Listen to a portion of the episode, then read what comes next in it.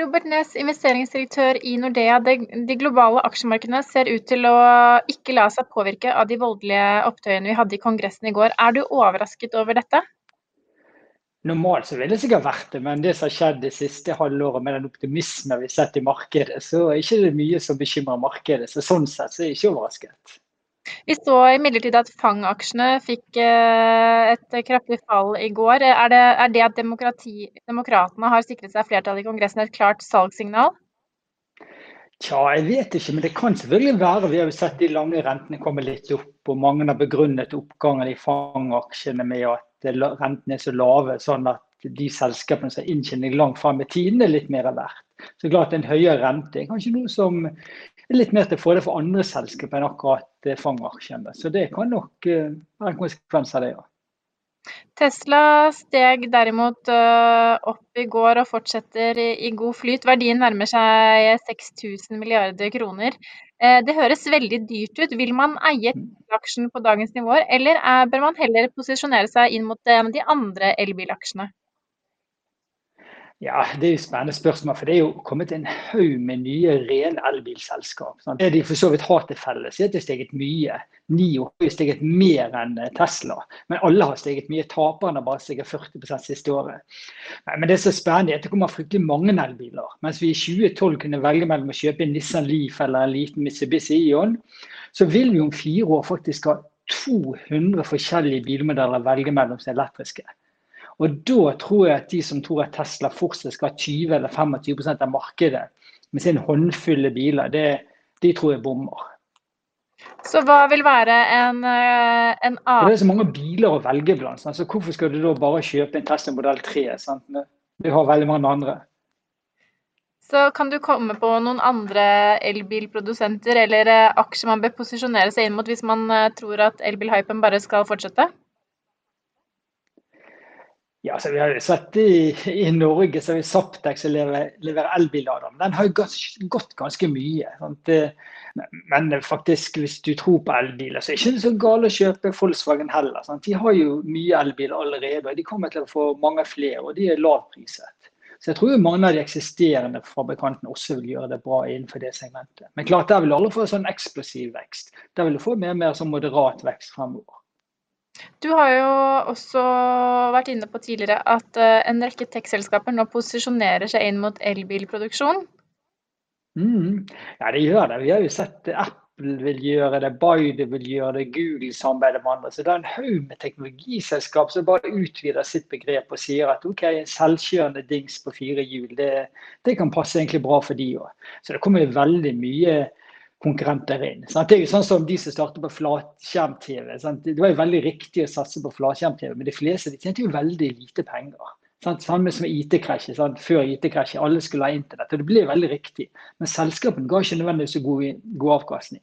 Så det er ingenting i veien for at vi ser det samme med elbiler og at avkastning for aksjonærene ikke nødvendigvis blir så god. For det er så veldig mange som skjønner at dette er framtiden. Hvis du ser på det den avtroppende presidenten i USA, Donald Trump, har foretatt seg den siste tiden, er det noen av de grepene han har gjort som ser ut til å få um, en kort eller langvarig effekt på enkeltaksjer eller uh, selskaper? Nei, altså, altså, Vi har jo sett veldig optimisme i markedet. Så det er spennende å se hva som, eh, hva som skjer, eh, hva som skjer framover. Om den optimismen holder seg. Det, jeg syns markedet nå er veldig todelt. Vi har en del av markedet som er faktisk ganske billig. Og så har vi noe som er litt smådyrt, og så noe som er bare ufattelig dyrt. Så det, det gjør eh, utviklingen til neste år veldig spennende. Hvis vi ser i lys av Kina, da? Kina er spennende. Vi så i dag et dramatisk fall i Tencent og Alibaba. De falt med over 5 i dag. Og Det er rett og slett noe som Trump har klønet, klønet til. De sendte ut en presidentordre i november om at eh, amerikanske investorer får ikke lov til å eie selskap som er styrt av kinesisk militære. Og så tok de inn helt vanlige selskap inn på den listen. Og så ble det faktisk, De gikk ut av MSI-indeks på tirsdag, og så på onsdag kom New York Stock Exchange og sa at nei, de, de slette aksjene likevel. Folk skal fortsatt forhandle de. Og så I går kveld så ringte finansministeren i USA og sa at jo, de skal ut. Og Dermed falt de mye i dag. Og så I tillegg spekuleres de at Tencent og Alibaba, som to av verdens største selskap, også skal bli nektet. Sånn hvis amerikanere ikke kan investere i så er det veldig mange europeiske og nordiske banker som heller ikke kan kjøpe de. For de må følge amerikanske sanksjoner for å kunne handle med USA. Så Derfor kan egentlig store deler av verden bli, bli hindret fra å handle for å kjøpe mange store kinesiske selskap. Ser du for deg at Joe Biden kommer til å ta noen grep her, eller kan man uh... Altså I utgangspunktet så, så, er det faktisk litt usikkert. Men hvis det at en tar inn China Mobile som et storselskap, og hvis Alibaba og Tencent også kommer med her, så tror jeg jeg vil gjøre grep. For da er det så viktig. I starten var det noen få selskap som utgjorde 0,02% av verdensindeksen, og det gidder de kanskje ikke bry seg.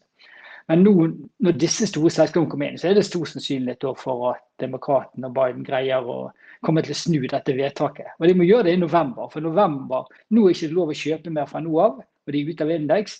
Men fra november så må du selge hvis ikke alle har gjort det. Og det vil mange da i alle i USA må gjøre det, og mange i Europa må gjøre det. Hvis vi ser litt bort fra det politiske bildet i USA, hva ser ut til å være i fokus blant investorene akkurat nå? Altså, klart det er jo vekst.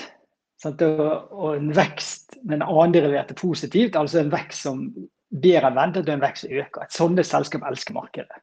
Hvis du kommer med et selskap som har vekst, men liksom mer moderat vekst, så er de veldig upopulære.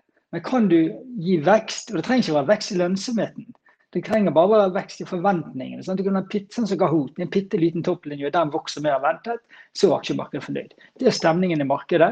Og det kommer til å vare, det kan godt være det varer en stund til. Hvor lenge er vanskelig å si. Men uh, jeg håper jo at det blir mer fokus på bunnlinjen og hva selskapene tjener. Sant? Og de som leverer stabil inntjening over tid, og at de får, får litt mer betalt fremover. Vi så jo en voldsom oppgang for de såkalte grønne aksjene i 2020. Tror du posisjoneringen inn mot grønne aksjer vil fortsette i år? Ja, og det som er veldig spennende i dette EU-taksonomi. For da får du faktisk fasit på hva som er grønt og ikke. Og, og det er helt forvirring om hvem som får, kommer inn i en taksonomi og ikke. Jeg har sett undersøkelser fra Bloomberg, jeg har sett undersøkelser fra konsulentbyråer. De er nesten helt, helt forskjellige. Så Det som kan skje, faktisk, er at trauste, kjedelige eiendomsselskap, forsikringsselskap, kan få 100% i taksonomi, mens det som er besett på som en grønn aksje, får ingenting. Og det, og det mest interessante var at dette skal være klart på under tolv måneder. Så i løpet av de neste månedene så tror jeg at det vil skje veldig mye spennende, og vi får faktisk mange mye aksjekursbevegelser basert på dette. Så det er noe som vi og helt sikkert veldig mange andre jobber med, å prøve å finne ut hvilke selskap som kommer bra ut, og hvilke som ikke kommer så bra ut. Har du noen formening om eh, noen aksjer som kan komme bra ut av EU-taksonomi? Altså, vi har sett det faktisk eh, forsikring kan gjøre det. Men igjen så skal du da vise at du tar mer miljøhensyn enn andre. Så det vil si at uh, hvis et selskap er heldig eller flink, så skal det 100 Hvis ikke så flink, så, så er det null. Så Derfor er det, er det faktisk veldig vanskelig å, å, se. Vi har jo vannkraft. Sant? For eksempel, det er Norge som har litt av det. Sant? Der var jo det utgangspunktet jeg trodde med 100% sikkert at vannkraft er med, og så nå er det blitt usikkerhet. Sannsynligvis så får det en del med, men det er ikke helt sikkert. Og det kan ikke være spennende at det er sjømat. Blir det 100% eller blir det null? De bransjer mener nok det er veldig grønt, men, men, det er kanskje mye som tyder på at vanlig fiskeoppdrett i merder får veldig liten andel. Og at det i så fall er de landbaserte som kommer godt ut. Den gode stemningen vi så i aksjemarkedet i 2020 ser imidlertid ut til å fortsette inn i 2021. Og det gjelder også for bitcoin, som har hatt en fantastisk oppgang i fjor og, og nå er over 37 000 eh, dollar. Har du gjort deg opp noen formening om bitcoin? Nei, jeg har ikke det. Jeg har, eh, jeg har ikke det. Altså, jeg syns uh, svingningene er enormt store. Sant? Det er vanskelig for å forstå at det skal ha en, ha en så stor verdi. Så, så, der har jeg ja, der har jeg bare holdt meg helt, helt unna og har planer om å holde meg unna.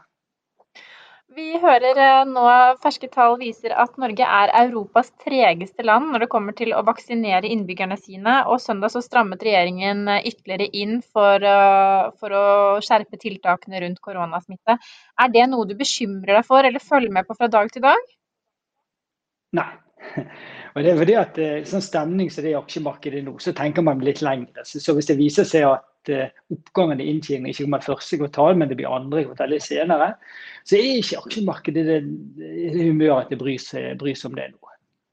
Og, og, og, klart, våre selskaper på Oslo Børs de, de, er veldig globale, de aller fleste av de. Så liksom det særnorske er ikke så, ikke så, viktig. Så her er det stemningen ute. Så om det går noen måneder for lenge eller ikke, så, så er det ikke noe som tror aksjemarkedet vil være bekymret over. Hvis du skal spå hvor Oslo Børs skal på kort sikt, eh, hva vil være din beste gjetning?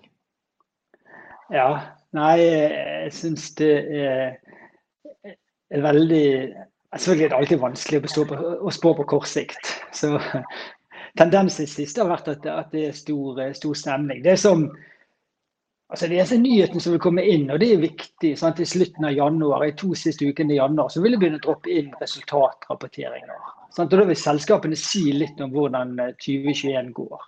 Og Det, jo, det er jo normalt spennende. Sant? Og Forventningene er veldig store i Norge og internasjonalt for 2021-inntjeningen. Sant? Og fundamentalt sett så blir det lett litt skuffelser da.